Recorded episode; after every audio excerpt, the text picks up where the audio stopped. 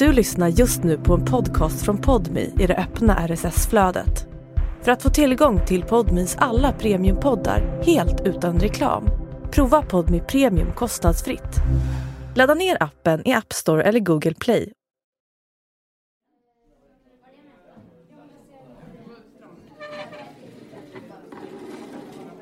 En fullsatt lokal i Rågsved i södra Stockholm.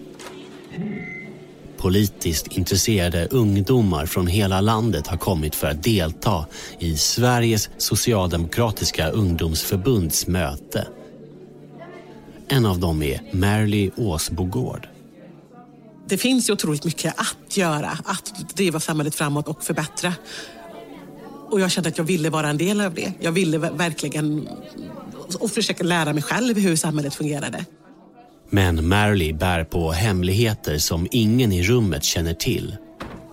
Ingen av de ambitiösa ungdomarna på mötet vet att Marley har ett annat liv vid sidan av skolan och sitt politiska engagemang. Samtidigt som hon är aktiv i SSU prostituerar hon sig och är drogberoende. I väskan bredvid hennes stol ligger mobiltelefonen som när som helst kan ringa. En kund som vill köpa sex av tonåringen Marley. Och det är en skam. Alltså, man ville ju inte att någon skulle få reda på att man var hora. Marley är sliten och kan knappt hålla ögonen öppna. Hon har festat, tagit amfetamin i flera dygn och sen hoppat på tåget från Borås upp till Stockholm. Jag hade varit ute på en bender och kände att det började på något sätt gå ut för. Gruppen diskuterar skola, internationella relationer och samhällsfrågor. Men Marley har svårt att hänga med. Hon behöver något för att hålla sig vaken. Jag nästan skakade liksom lite till söms sådär för att det, det, var, det hade varit liksom en två, tre dygns eh, drogbänder och jag hade tagit med mig, och det brukade jag aldrig göra, men jag hade tagit med mig upp eh, en liten, liten påse. Marley har knappt ätit eller sovit på flera dagar. Hon har träffat kunder och sen köpt droger för pengarna. SSU-mötena började som en helig plats där hon kunde lämna allt som har med sexköp, droger och hjärnspöken att göra. Det är en plats hon inte vill bli av med det blev ju att jag fick lära mig hur jag skulle göra för att typ klara av eh, att inte det skulle bli påkommen som, som drogmissbrukare. Kanske heller inte dyka upp om det var så att man hade suttit och haft en bänder på två, tre dygn. Liksom. Efter en stund kan hon inte hålla sig längre. Merly ursäktar sig, går ur lokalen och bort mot toaletten. Hon låser dörren noggrant och plockar fram den lilla påsen ur fickan. Det kändes som att jag svek allt och alla. Allt jag stod för, allt som fanns, liksom, alla människor som fanns runt omkring som var där för att göra världen bättre och desto jag liksom trycker upp en lina i näsan.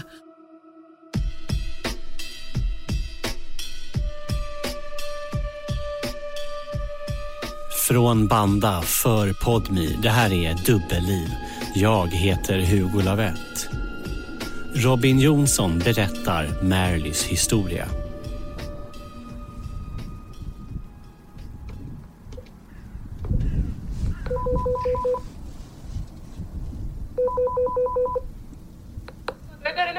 Okej. Ett lägenhetskomplex i norra Borås. En trappa upp har Märli Åsbogård förberett sig inför vårt möte. Hon har bryggt kaffe och bakat kakor. Oj. Hallå! Kul att träffas på riktigt. Det ligger leksaker strödda över hela lägenhetsgolvet. Märli har två döttrar. Hon påpekar att den enda konsten hon äger har hennes ena dotter målat med röd tuschpenna rakt på vardagsrumsväggen. Jag tar några kliv in i rummet.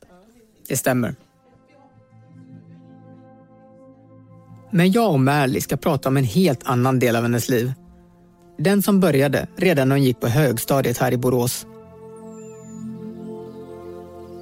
Det är sent 90-tal och 13-åriga Märli Åsbogård bor med sin familj på en gård i Bertilshult utanför Borås. Märli har kommit till Sverige som ett och ett halvt åring från Colombia och växer upp med sin släkt på den idylliska landsbygden. Det var jag och min familj och min familj. Så vi, vi var egentligen bara släkt som bodde på den här gården. Det, det kallades Lilla Colombia eller Bullerbybarnen från Colombia eftersom jag har ett par kusiner som är eh, adopterade också.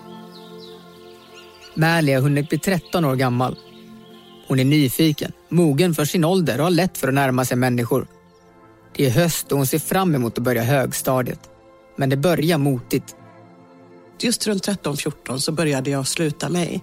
Ehm, det hade hänt alldeles för mycket på kort tid. Märli sticker redan ut i den välbärgade, vita stadsdelen eftersom hon är adopterad från Colombia. Nu har de blivit vissa i skolans hackkyckling. Under sommaren har hon dejtat en sex år äldre kille. Killen har dumpat Mally och efteråt skvallrat om vad de har gjort i sängen. Nu vet alla på skolan. Och jag som var 13 då när vi träffades eh, och han var 19 jag hade ju inte sagt så mycket nej överhuvudtaget. Man, ville bara, man var bara glad att någon såg en överhuvudtaget. Och jag, eh, det var analsex och det var oralsex och det var allt sånt där som var helt nytt för en. Så det blev liksom dubbla nederlag. Först att ha blivit lämnad och känna sig utnyttjad i det, men och sen också att, eh, att, att, att allt man fick liksom allting tillbaka kastat på en. Datorlektion under eftermiddagen. Mally lämnar klassrummet för att gå på toaletten och när hon återvänder har någon bytt skärmsläckaren på hennes dator. Över skärmen rullar en text fram och tillbaka. Mally vrålar som ett djur när Tobbe tar henne i röven. Det var som att få en, en stor bunk med is hälld över sig och så tar vi det liksom om och om och om igen samtidigt när man sitter och ser det här rulla på skärmen. Och, eh, det finns någon tro om att man ska bli aktiv i det läget och skrika och gapa. Och, du vet, så här, men, men jag blir bara tyst. Um, och eh, satt och, och glodde på den här skärmen med liksom tårarna som bara kom. Så där. Mally förändras. Från att vara öppen och social till att undvika så många blickar hon kan. Jag hade en väldigt um, dålig självkänsla. Jag hade en väldigt, eh, en väldig önskan om att tillhöra men samtidigt så kunde jag inte tillhöra. Jag stod på något sätt utanför. Hon tvingar sig själv att gå till skolan trots att det är den sista platsen hon vill vara på. Och eftersom vuxenvärlden sviker henne sluter hon sig allt mer. Jag vill dö, jag vill dö, jag vill dö. Men jag måste gå till skolan imorgon. Jag måste orka ta mig dit, men jag vill bara dö.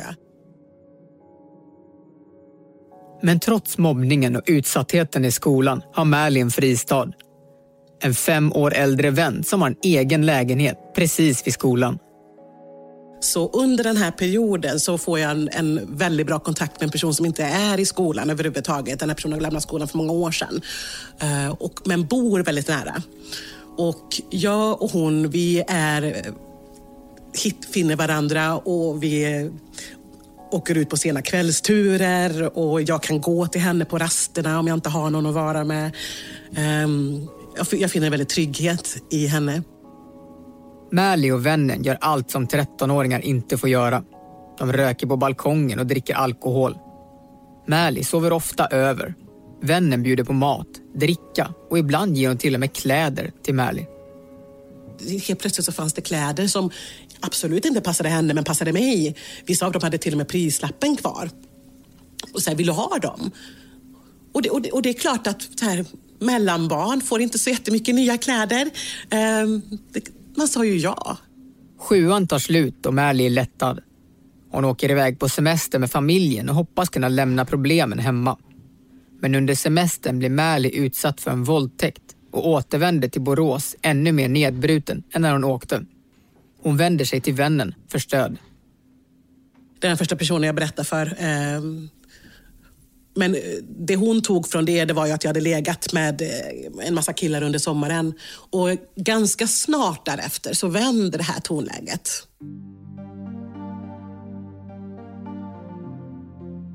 Men vännen stöttar inte Märli.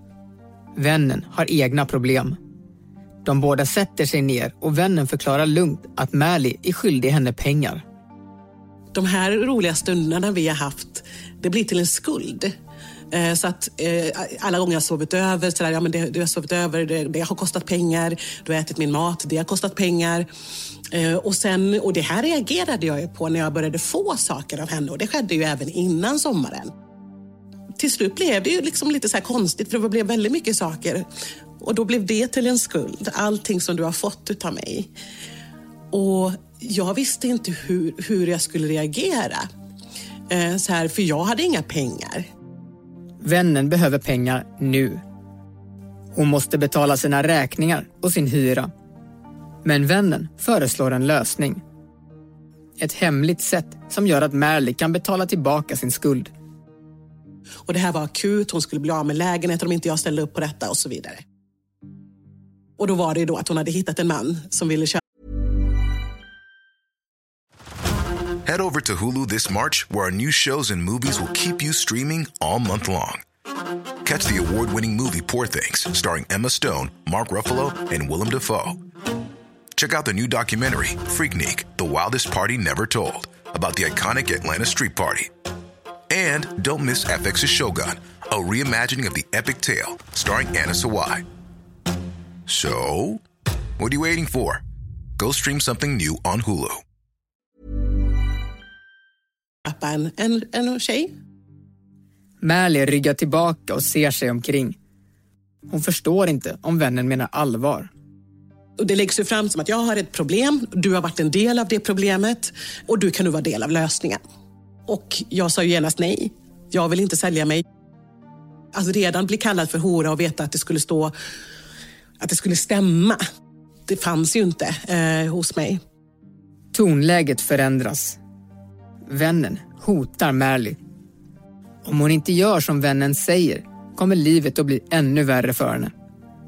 Vännen kommer att berätta om allt de har gjort i lägenheten. Det som borde varit ganska lyckliga minnen, även fast man kanske gör saker som man inte får, stå och röka på balkongen, tjuvdricka lite alkohol och sådär. Eh, det blir liksom ett hot.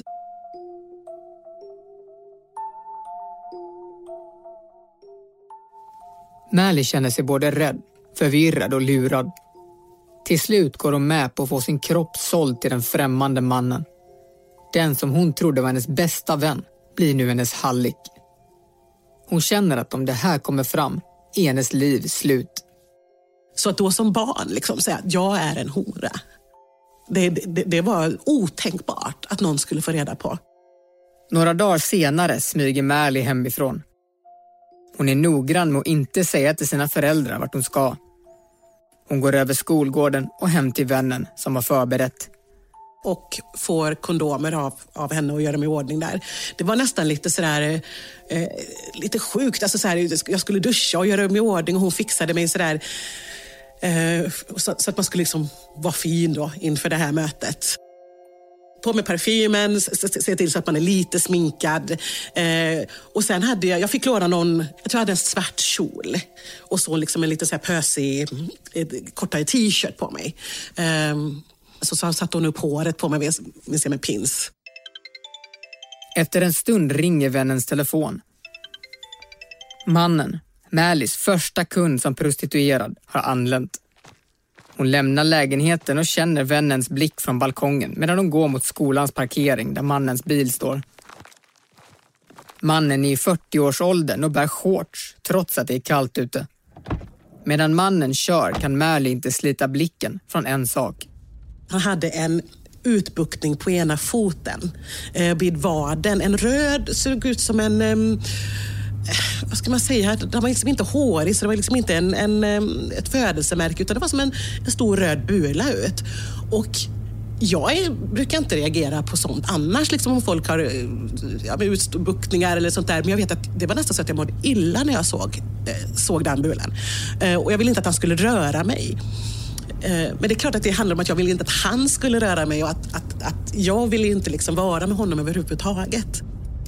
Men just det fick liksom, allting fokuserades vid den här bulan. Jag satt och tittade och han körde och jag bara, fy fan. Men i skolan har Märli träffat en ny vän. Första gången man träffade henne eh, så drogs jag till skrattet. Eh, det här är Leo Vuoreniemi. Även om han och Märli inte går i samma klass finner de varandra tidigt under högstadiet. Eh, men just bubblig, eh, skämtsam, sig själv, genuin. Så det fanns en magnetism där eh, ganska snabbt eh, som jag inte hade sett innan. De två vännerna tillbringar mycket tid ensamma. Sitter i korridoren, lyssnar på Backstreet Boys och skämtar om exakt allt. Vi kan ju skratta åt minsta lilla, men eh, båda är ganska grova i käften. Så, så att, och, och vi, vi har ganska mörk humor. Leo kommer från en trasig familj som kämpar med alkoholism och Mally är hans största glädjekälla. När de ses i skolkorridoren kan båda äntligen andas ut och fokusera på något annat än det hemska som händer i deras liv. Det var inte eh, att vi träffades för att hela varandra genom att älta i det vi har gått igenom. Vi träffades för att vara oss själva för en stund och, och bara vara ja, normala kids. Liksom. Märlis äldre vän, som nu är hennes hallick, har lovat att hon bara behöver sälja sig en gång. Men så blir det inte. Jag är en osviklig optimist i att hon skulle hedra att det här bara skulle hända en gång och sen skulle hon liksom släppa mig. Men det är klart att inte hon gjorde det. Så att det här blev det nya hotet, att nu har jag liksom svart på vitt att du har gjort detta. Eh, så att ganska snart får jag en mobiltelefon, det kanske handlar om några veckor, och då drar det igång på allvar. Få av Märlis klasskompisar har en mobiltelefon. Det anses vara en lyx bland 13-åringarna på Sandaredsskolan i Borås. Gul med svart på sidorna. För jag vet att jag tänkte väldigt mycket på vårt fotbollslag Elfsborg när jag såg den. Och hade det inte varit för det här så hade jag tyckt att det var en skithäftig telefon. Mobiltelefonen ska alltid finnas med Märli och så fort den ringer ska hon svara eller ringa upp så fort hon kan.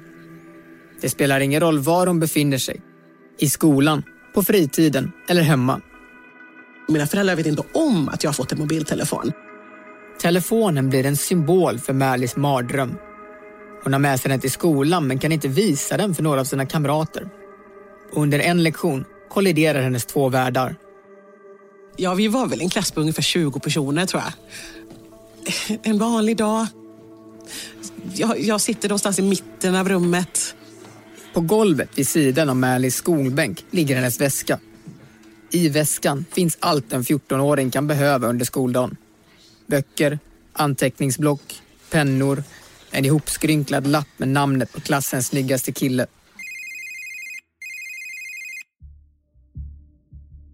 Plötsligt ekar en ringsignal genom klassrummet. Det ringer och folk börjar fnissa och skratta och sådär för att de vet ju shit's about to go down. Elevernas blickar skannar febrilt efter signalens ursprung. Ringsignalen kommer från Märlis väska. Underligt eftersom Märli egentligen inte har någon mobiltelefon. Inte vad resten av klassen vet i alla fall den här läraren då eh, närmar sig mig och säger stäng av den där, stäng av den där. Mally sitter blickstilla, förlamad av situationen. Det klassen inte vet är att mobiltelefonen symboliserar mycket mer för Mally än den pinsamma situationen som uppstått. Hon var som en igel på en. Så det var ju inte alltid att det var kunder som, som, som hon hade bokat utan hon ville bara prata. Hon ville bara höra vart man var. Alltså någon sorts kontroll. Läraren kommer närmare och närmare medan Mally långsamt lyfter telefonen som fortsätter ringa. Läraren som nu bara är tre steg bort viftar frenetiskt att Mally ska lägga ifrån sig telefonen. Men Mally måste svara. Och jag börjar så här, lyfter telefonen och tänker, så här, jag bara, nej, hon bara stänger av den där och jag bara, hallå? Jag kan inte prata just nu och där får hon ju liksom ett utbrott. Mally träffar minst tre kunder i veckan. Den fem år äldre vännen som nu är hennes hallick hittar ständigt nya män. Och tvingas ibland att lämna skolan mitt i undervisningen för att träffa männen. Lärare lägger märke till Mälis frånvaro men tror att det rör sig om vanligt skolk. Då tog en, eh, en idrottslärare ut mig eh, och pratade och sa det att eh, de, det börjar uppmärksammas nu att jag försvinner från lektioner och sådär. Och att jag måste tänka lite på vilken väg jag tar nu och, och sådär. Hon ljuger för alla hon känner. Snart har hon skapat ett intrikat nät av lögner och det är svårt att hålla reda på allt hon sagt. Men Mally plågas inte bara av lögnerna hon berättar utan av fasaden hon tvingas upprätthålla. Om hon inte håller god min kan hon bli avslöjad. Det var ju svinjobbigt. Det, det i sig är ju stressande. Och du, du riskerar ju att bli avslöjad med varje felsteg du tar. Och, och det här att känna att man måste hålla uppe måendet, hålla uppe det här smilet. För att annars så, ser folk liksom hur man bara börjar krackelera. Och, och då kan liksom sanningen råka ramla ut. Till sina föräldrar säger Märli ofta att hon ska åka hem till sin kvinnliga vän efter skolan. Att de bara ska titta på TV eller laga mat. Jag ju, ljuger ju om allt eh, egentligen som har med vad jag gör efter skolan och eh, det, det, vilka människor som finns i mitt liv och, och sådär. Så, så, att jag vet att det kom till en, en kulmen då jag, då jag jag slutade vara kreativ med mina lögner, för det blev för mycket att hålla reda på.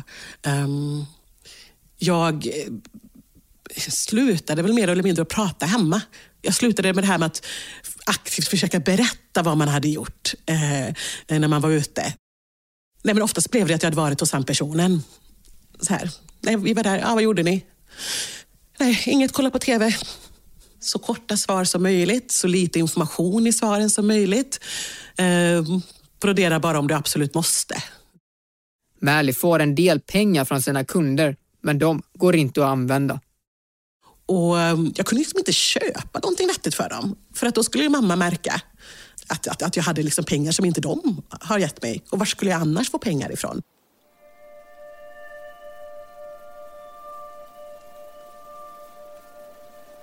–14-åriga Märli och hennes kunder har sex i bilar, i skogsdungar och på lastbilsflak. Märlis hallick har total kontroll över hennes liv. Och just det här att det här att, man, att jag får så här, två, kondomer, det var två kondomer varje gång om utfall att en skulle gå sönder. Uh, tryckte jag handen uh, av den här kvinnan. Och männen är värre än Merlin någonsin kunnat tänka sig. Men det som jag inte riktigt hade varit beredd på det var att det fanns så mycket våld. Uh, och just det här att i mitt huvud hade jag nog föreställt mig att det skulle vara mera mjukt. Att de skulle vara mera mjuka mot mig de visste ju att jag var väldigt ung eh, och, och alltså, att jag ändå stiger in i en bil med dem eller blir körd hem till dem. Eh, sådär att, att man redan befinner sig liksom i en, en ganska jobbig situation eh, och att det skulle liksom vara att de skulle vara på något sätt snällare. Och, och det fick jag bli varse så, så var det ju inte. Männen kommer från olika delar av samhället och på den här mörka sidan lär sig Märli snabbt att männen inte är intresserade av den riktiga Märli. Hon finns ju där men det finns ju inte att de är intresserade av henne överhuvudtaget. Så jag, jag, jag är, till skillnad från att vara en ganska pratglad person annars så, så är jag väldigt tyst. De vill inte ha en glad, samhällsintresserad, fnittrig... Eh, så här. De, de, de köper ett barn, de köper en, någon som ligger så pass långt under dem i, i, i både åldersmässigt och möjligheterna till att liksom skydda sig. Så att det, det är en ganska tyst person som sjunker ihop lite, som gör sig så lite som möjligt. 14-åriga Märli reagerar på en sak som skiljer sig från hennes tidigare sexuella upplevelser. I den här situationen finns det ingen plats för hennes händer. De är helt enkelt inte önskvärda. Mina händer har ingen roll när jag har sex, utan de skulle alltid fästas ovanför huvudet eller bakom min rygg eller någonting för att, för att inte vara i vägen. Men en oväntad effekt av att Märli tvingas träffa fler och fler kunder är att hon höjer sina betyg.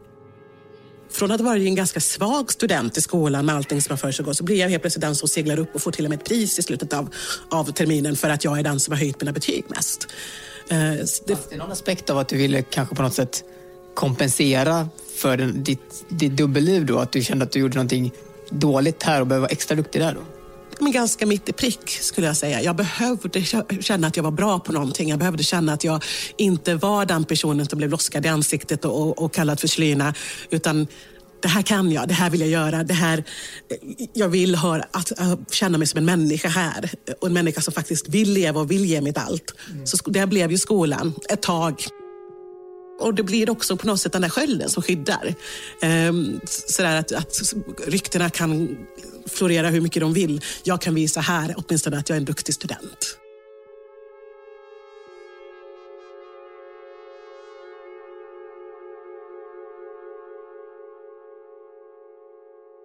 Dessutom är hennes och vännen Leos vrå på skolan intakt. Vännen Leo har ingen aning om att Märli prostituerar sig. Det fanns inte i min värld och det har man inte i sin värld. Undrar om hon... Eh, alltså, nej, utan man, eh, man, man har ju sin egna skola att tänka på, fixa bra betyg och mm, se bra ut i håret och allt vad det är. Märli hade ju en väldigt bra fasad. Och i och med att jag hade ett behov av henne som vän så var det nog det som var slöjan framför mina ögon. För hon var lite min medicin. Mitt lilla lyckopiller som var. För både Märli och Leo är det livsviktigt att deras oas förblir intakt. Märli pratar aldrig om det hon går igenom och det märks inte heller på hennes beteende. Jag, jag kan inte föreställa mig paniken i henne. Eh, den situationen hon var fast i eller den situationen andra hade satt henne i. Utanför hennes och Leos skyddade bubbla börjar Mally stänga sig allt mer. Hon vågar inte berätta för varken vänner, skolpersonal eller föräldrar. Gliringarna fortsätter att hagla i skolkorridoren. Du krymper ju som människa. Så att till slut så fick, man ju bara, fick jag ju bara acceptera att det var så här, det, var min lott i livet på något sätt. Under två år lyckas Mally hålla prostitutionen hemlig. Men när hon fyllt 16 händer något som förändrar allt. Hon har lyckats slita sig fri från sin hallick i Borås och via en telefonjour för adopterade träffar hon en äldre man som bor i Stockholm. De pratar intensivt och hon bestämmer sig för att åka upp och träffa honom. Och jag var lite kär i honom och öppnade upp mig väldigt mycket. Vi träffades via en telefonjour. Mally köper en tågbiljett och åker upp till huvudstaden. Hon letar sig hem till mannens lägenhet men när hon anländer förvandlas resan till en mardröm. Och han låser in mig i den här lägenheten uppe i Stockholm och våldtar mig, säljer mig, eh, brutaliserar mig och livet bara går in i en dimma. Under flera dygn tvingar mannen Mally att sälja sig till flera män som utför brutala övergrepp mot henne. När han väl släpper ut henne är hon ett tomt skal. Jag bryter ihop. Eh, jag berättar för en person på barn och ungdomsmottagningen, heter det, barn och ungdomsmottagningen, om vad som sker i mitt liv och jag eh, hamnar på barn och ungdomspsykiatriska. Eh, det görs anmälan. Mally kallas till förhör, men hon vågar bara berätta om mannen i Stockholm. Inte om den fem år äldre vännen som var hennes första hallick. Och det är ju det som blir när, när man ska sitta i de här polisförhören och, och, och berätta om allting som har skett. Jag är fortfarande livrädd för henne då. Jag, så att jag vågade aldrig anmäla henne. Det blir rättegång om mannen som låst in Mäli i en lägenhet i Stockholm döms. Men Mälis hemlighet är avslöjad och skadan är sedan länge skedd. Mälis föräldrar blir bestörta men Mäli upplever inte att hon får det stöd hon behöver. Det var ju inte någonting de ville ha i sina liv överhuvudtaget och absolut inte att alltså, skammen. Att, att prostitution, att vara en person i prostitution, att vara förälder till en person som har sålt sig som en hora, så här, det, är, det är skamfyllt. Men när Märli är 16 hittar hon äntligen en plats där hennes engagemang får utrymme hon har alltid varit intresserad av samhällsfrågor och från elevrådet är steget inte långt till de politiska ungdomsförbunden. Märli går till sin mamma och säger att hon vill engagera sig politiskt. Mamman föreslår Sveriges socialdemokratiska ungdomsförbund. Ja, min mamma sa det till mig att du gillar ju samhällsfrågor och, och vi tror, jag tror att, vi pappa och jag tror att SSU hade varit någonting för dig. Eh, så satt vi och slog i gula sidorna och så var det så här, här är deras nummer. Och så ringde jag och så frågade jag och, och, och där de hade möte. Och så dök jag upp. Hon går på sitt första möte på Sparregatan i Borås och blir förtrollad av diskussionerna, idéerna och framtidsvisionen. Den lilla gruppen ses en gång i veckan och ibland åker de till närliggande kommuner för att träffa andra politiskt intresserade ungdomar. De diskuterar allt från miljöfrågor till militära konflikter, skola, vård och omsorg. Det fanns eh, ett forum för att diskutera samhällsfrågor och, det, och just det här att försöka eh, inte bara föra diskussionen utan faktiskt kunna jobba för att påverka ditt närsamhälle men även liksom eh, världen, Sverige. Alltså så här, försök åtminstone göra någonting. Under tiden i SSU får Märli vara Märli. Hon behöver inte vara tyst eller se till att hennes händer inte är i vägen. Hennes smärtsamma upplevelse stannar vid dörren en gång i veckan när hon sätter sig ner med sina nya vänner och diskuterar. Jag blev liksom inte dömd på förhand, om man säger. Utan det du var, det var ju det du var på mötet eller eh, på det lägret eller liksom, ja, era, era organisationens arbete om man säger. Men ibland under diskussionerna gör sig Märlis erfarenheter påminda. När hon försöker ta upp frågor som feminism, våld mot kvinnor eller prostitution märks det att hon och gruppen har olika upplevelser. Framförallt när Märli uppfattar att någon har en väldigt liberal inställning till sexköp. Och vem var offer och vem var inte offer och, och, och, och sådär. Och, och jag vet att jag kunde sitta där och tänka att ni vet ingenting. Håll käften! Hade någon av er ens varit i närheten av detta så hade ni kanske förstått. Mally fyller 17, börjar gymnasiet och flyttar in till Borås. Hon hyr en 12 kvadratmeter stor lägenhet med pentry och toalett i korridoren. Hon träffar nya, spännande människor och börjar festa. Skolan och fritidsaktiviteterna får lida. Det fungerade ganska bra tills drogerna kom in på allvar. Under en fest blir Mally introducerad för amfetamin. Det är första gången hon kommer i kontakt med tyngre droger. Helt plötsligt så är det någon som har droger alltså, som inte jag har stött på tidigare. Jag har puffat någon gång på någon liten joint eh, innan. Men det har varit that's it. Eh, och så helt plötsligt så sitter man och får de där linjerna man har bara sett på TV. Och eh, jag var såld. Märli börjar leva sitt liv nattetid och går från fest till efterfest till ännu en efterfest.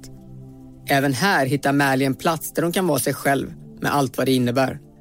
En plats där hon inte är den enda som behöver dölja en del av sitt liv för omvärlden. Bara dra linor, sitta och prata med eh, personer och inte... Jag tror någonstans att det var en jakt i att inte känna sig så ensam och så ensam i sin ångest och så ensam i sina upplevelser. Det är svårt för Mally att hålla uppe engagemanget i SSU. Festkvällarna blir längre och hon börjar prostituera sig igen för att ha råd med drogerna. Och på något udda sätt känner hon att det finns en trygghet i att vara tillbaka i prostitutionen. Trots att hon fortfarande inte kan berätta för någon i sin omgivning att hon har börjat sälja sex igen. Via en porrbutik träffar hon sin nya hallick. Och jag började nästan lite Stockholmssyndromaktigt lite sakna liksom att den sortens uppskattning som du fick från de kunderna som då inte var Fanns det någon aspekt som var liksom... Eh, här får du rätta mig om jag har fel, fast finns det någon aspekt som är liksom i vanliga livet ute i världen är jag ingen alls. I prostitutionen så är jag inte en person jag tycker om, men där är jag i alla fall någon. Exakt, och just det här att så, så, så var det ändå som att man kände att jag har kommit hem igen. Här var jag där jag förtjänade att vara på något sätt. Bland kunderna finns kända idrottsmän, poliser och politiker. Mally bjuder vänner på drinkar och droger med pengarna hon tjänar från prostitutionen. Ingen frågar varifrån pengarna kommer. Mally har nu bara 50 procents närvaro på gymnasiet. Hon syns ofta på Borås inneställen och barer. En kväll har hon tagit sig till baren Vimmel hon dricker vodka Red Bull, skrattar och pratar med två barndomsvänner. Det, var liksom ett så här hippt ställe där folk gick för att dansa till housemusik och dricka drinkar. Och så hade du där liksom klubben Helrör i hörnet som tyckte de var så jävla coola. Liksom. Märlis glas är tomt och hon letar sig mot baren. Det är många som vill beställa och hon ställer sig därför mot bardiskens utkant, precis vid toaletterna. Märli tittar sig omkring i rummet som hon alltid brukar göra när en man plötsligt dyker upp i ögonvrån. Hon känner igen mannen sen tidigare. Så att jag hinner liksom se att han kommer fram. Um, och då eh, tänkte jag inte mycket mer när jag såg honom än att jag vet att han inte gillar mig, den här mannen. Mannen är politiker och hans vän, som också är politiker, har köpt sex av Märli. Hon tänker att mannen säkert bara är där av samma anledning som hon, för att dricka drinkar med sina vänner. Men plötsligt står mannen precis bakom henne. Lite för nära. Och den här mannen naglar liksom fast mig med sin kropp mot bardisken bakifrån. Och så pressar han. Och det gjorde ont när han pressade. Det var liksom inte så att han råkade stå för nära. Uh, men han pressar och så liksom väser han i mitt öra. Han är arg. Liksom. Du ska fan inte förstöra för min vän. Eh, säger du ett enda ord så kommer det gå illa för dig. Jag vet vem du är. Märlis världar kolliderar. Hon har gått till baren som Märli Åsbogård. Ståendes i baren med mannens kropp tryckt mot sin har hon förvandlats till Märli, den prostituerade. Hon förstår inte vad hon har gjort fel eftersom det är mannen som har köpt sex av henne, av egen fri vilja. Och hans vän som nu står bakom Märli skrämmer henne. Och att hur, den här rädslan. Liksom, att, alltså att det här är en människa som verkligen tror att du utgör ett hot för en person, för, för hans vän.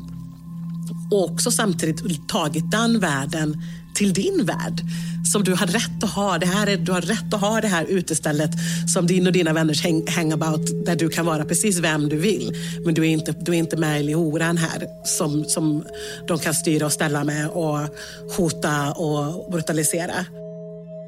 Efter hotet släpper mannen långsamt greppet, backar några steg, vänder sig och lämnar baren. Kvar står Märli och tittar på sitt tomma glas. Jag var sådär så att jag mådde illa. Och det, jag mår inte ofta illa, jag är inte en sån som stressspyr annars. Men då gick jag in och kräktes. Och jag var inte så full, det var inte det. Utan det var verkligen, det upprörde någonting i mig. Eh, som gjorde mig liksom dösgrej. Mally är en annan person när hon lämnar baren.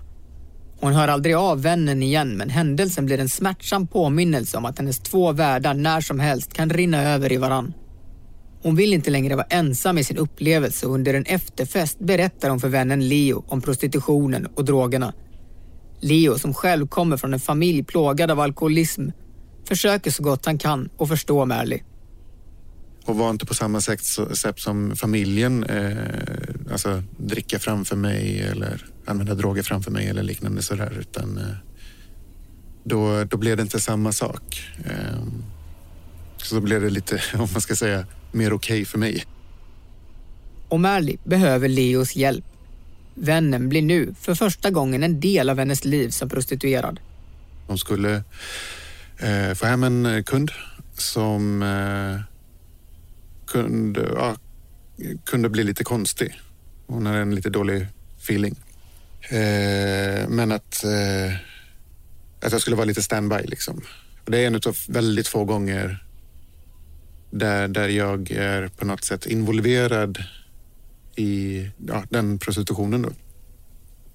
Där kändes det lite jobbigt, för jag blir på helspänn då såklart. Efter att ha berättat för vännen Leo börjar Marley bit för bit att tvätta bort skammen kring sin prostitution och sitt drogmissbruk. Men det dröjer innan hon vågar berätta precis allt hon har gått igenom och hur tidigt det började. Eh, vi var hemma hos henne. Eh, kan det ha varit någon förfest innan vi skulle ut? Eh, oftast på tu man då. Jag och sen så gick vi ut. Men under våra djupa samtal så det var där jag fick reda på att oj, det var, var, hon var så pass ung. Eh, det gjorde ont. Eh, fick också en släng av varför visste jag ingenting? Och samtidigt som jag, varför gjorde du ingenting? Som argumentet mot det var, ja men du visste ingenting och så höll jag på så fram och tillbaka. Man hade ju velat göra någonting. Finns det ingen del av det som sitter liksom på något sätt och spelar upp massa sekvenser från när ni umgåtts och försöker hitta spår efter det där eller sätt som du skulle kunna ha vetat? Nej, jag har aldrig tänkt i de banorna faktiskt. Märli för mig har aldrig varit Märli den prostituerade. Märli för mig har aldrig varit den som använder droger. Hon har ju alltid varit min vän och man tänker inte på det sättet då. Det måste vara ganska jobbigt för henne att bära på så mycket själv när hon var 14. Liksom. Eh, finns det någon del som vill att hon skulle ha berättat för dig? Eh, ja, det är ju bara frågan hur jag skulle ha reagerat när jag var i den åldern. Man önskar att man hade sagt att ja, men då hade jag varit det bästa stödet ever. Eh, det kan jag inte med handen på hjärtat säga att jag kanske hade varit. Mally börjar öppna upp sig mer och mer och hittar stöd hos sina vänner. Hon tar sin sista lina på en midsommarfest. När alla andra har gått och lagt sig sitter Mally kvar. Mitt liv står liksom stilla. Det var alla personer ändå som man tog med just då hade någonting i sina liv. Som ju som ett jobb eller liksom, var, alltså jag kände mig så jävla misslyckad. Det var verkligen bara jag som gick hem och bara låg på soffan typ. Eh, och eh, väntade till nästa gång de ringde.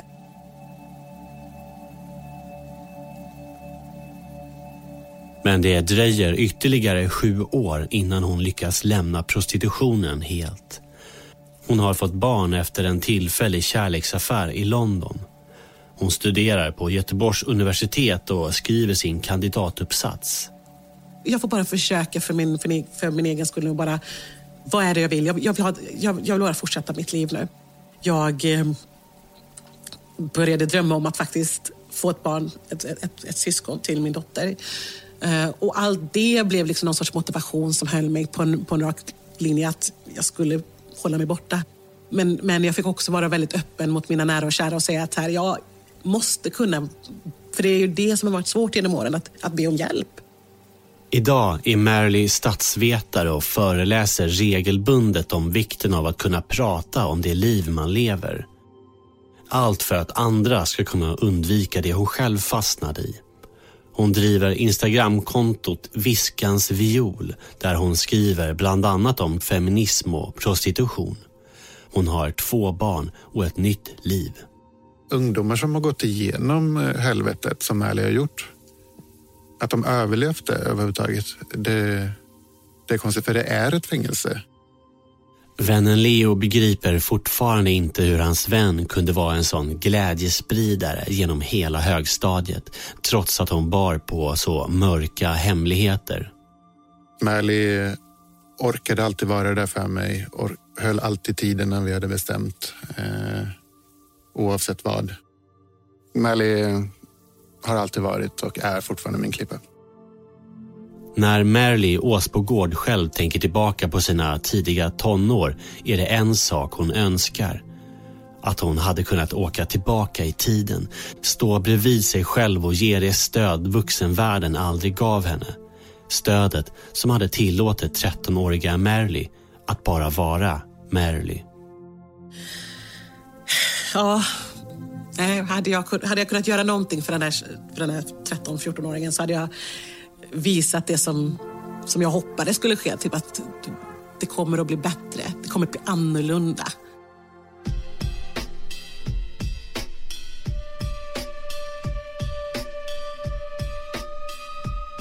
Du har lyssnat på Dubbelliv, en poddnyproduktion av Banda. Reporter var Robin Jonsson. Jag heter Hugo Lavett. Producent är Lovisa Lam Nordenskjöld. Slutmix Axel Rickert Berkemar. Exekutiv producent på Podmi är Sofia Neves.